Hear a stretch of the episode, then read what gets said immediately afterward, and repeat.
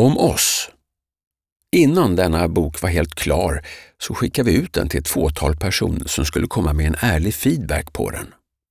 Utifrån denna ändrade vi sedan en rad olika saker för att göra innehållet bättre. Flera beskrev då att de saknade en ordentlig presentation av oss två författare. Vi själva hade initialt inte för avsikt att ta med detta eftersom vi tycker att det var irrelevant vem som skrivit texten. Men efter viss diskussion visar det sig att det finns de som läser som faktiskt vill veta något om författarna till den text de nu ska läsa. Så på grund av detta så ger vi en kort presentation.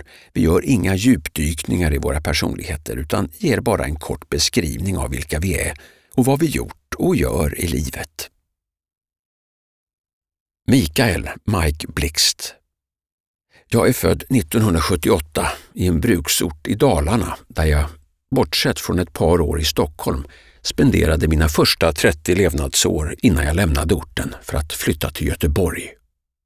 Jag har två fantastiska barn som är födda 2001 och 2007. Och ser man till min uppväxt har den varit mycket vanlig och relativt lycklig och utspelat sig i ett helt typiskt svenskt brukssamhälle med cirka 20 000 invånare.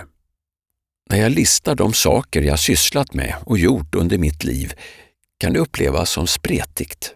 Barnskötare, simlärare, personlig tränare, gruppträningsinstruktör, musiker i två band, eget skivbolag, design i en uppsjö former, arbetat i skolans värld, drivit rockklubb, varit apputvecklare, bröllopsfotograf och under de senaste åren driver jag en rad olika företag i lika många olika branscher.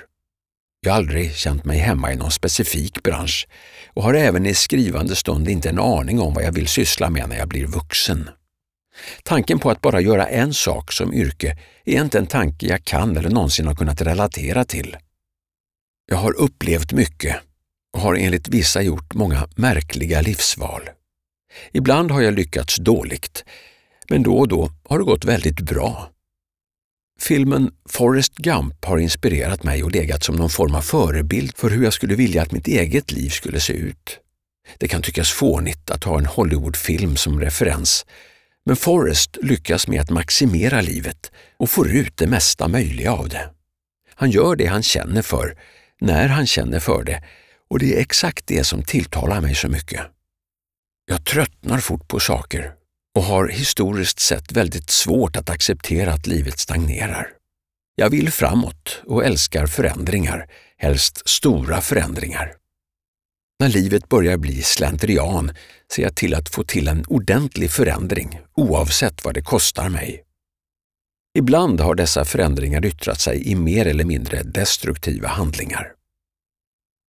Jag läser en stor mängd böcker och älskar att höra andra människors livsberättelser eftersom de ofta ger mig nya perspektiv på saker. Antingen avskyr man mig eller så älskar man mig. Det verkar inte finnas något mellanting. Det ligger till stor del i att jag fullkomligt skiter i vad andra tycker om mig. På riktigt. Och har helt slutat med att göra mig till inför andra människor. Det, i kombination med att jag aldrig någonsin kommer att rätta in mig i något påhittat led i en påhittad social struktur, gör att en del har svårt för mig. För det kan många uppleva som hotfullt. Och oftast är det äldre män som har svårt för detta och säger något i stil med att jag inte kan ta order. Varför man nu ska ta order. Jag lever mitt liv och befinner mig inte i en armé. Jag saknar aldrig det som varit och är oerhört kritisk till väldigt mycket i vårt samhälle och anser ofta att gamla samhällsstrukturer borde raseras och byggas om. Det mesta av det jag har författat i boken är just lärdomar livet gett mig. En del lärdomar du kan läsa om i denna text har kostat mig väldigt mycket. Andreas Larsson jag är född 1981 och är komiskt nog uppvuxen i samma bruksort som Mike. Trots detta så var det inte förrän i 30-årsåldern som jag lärde känna honom och som han blev min bästa vän. Jag är också född samma dag, men ett annat år. Min uppväxt var, kort beskrivet, helt fantastisk. Jag har två föräldrar som älskar mig för den jag är och som alltid låtit mig veta det.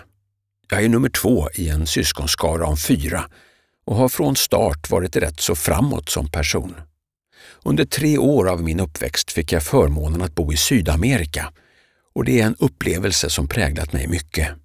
Jag fick en tidig förståelse för att livet ser olika ut i olika delar av världen och jag lärde mig att anpassa mig till olika sociala sammanhang.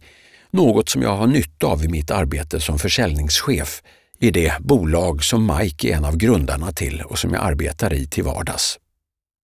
Rent yrkesmässigt har de flesta människor omkring mig tyckt att lärare är ett yrke som passar mig bra.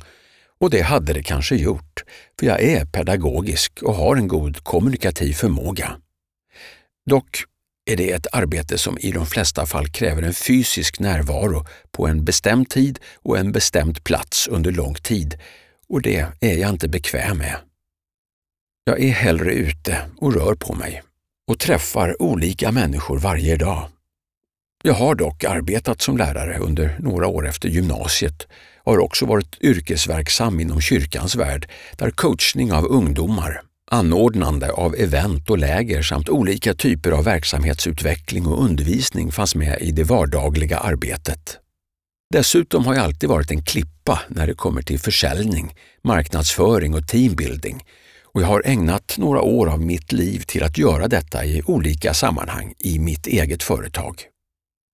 Jag är en relationsmänniska som är intresserad av människor och som gillar att hjälpa folk att hitta sin inre potential.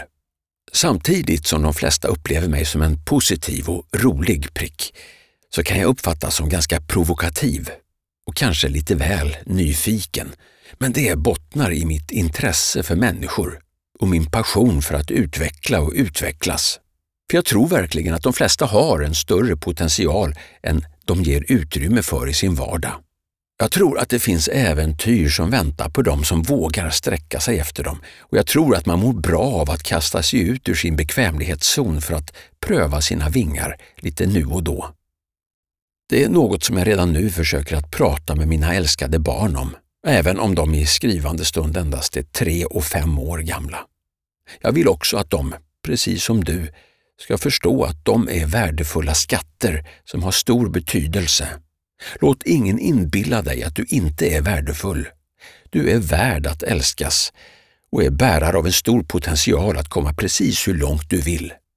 Men du behöver gå vägen, göra satsningarna och släppa kontrollen ibland. För då kan du behålla din glöd, din passion och dina stjärnögon.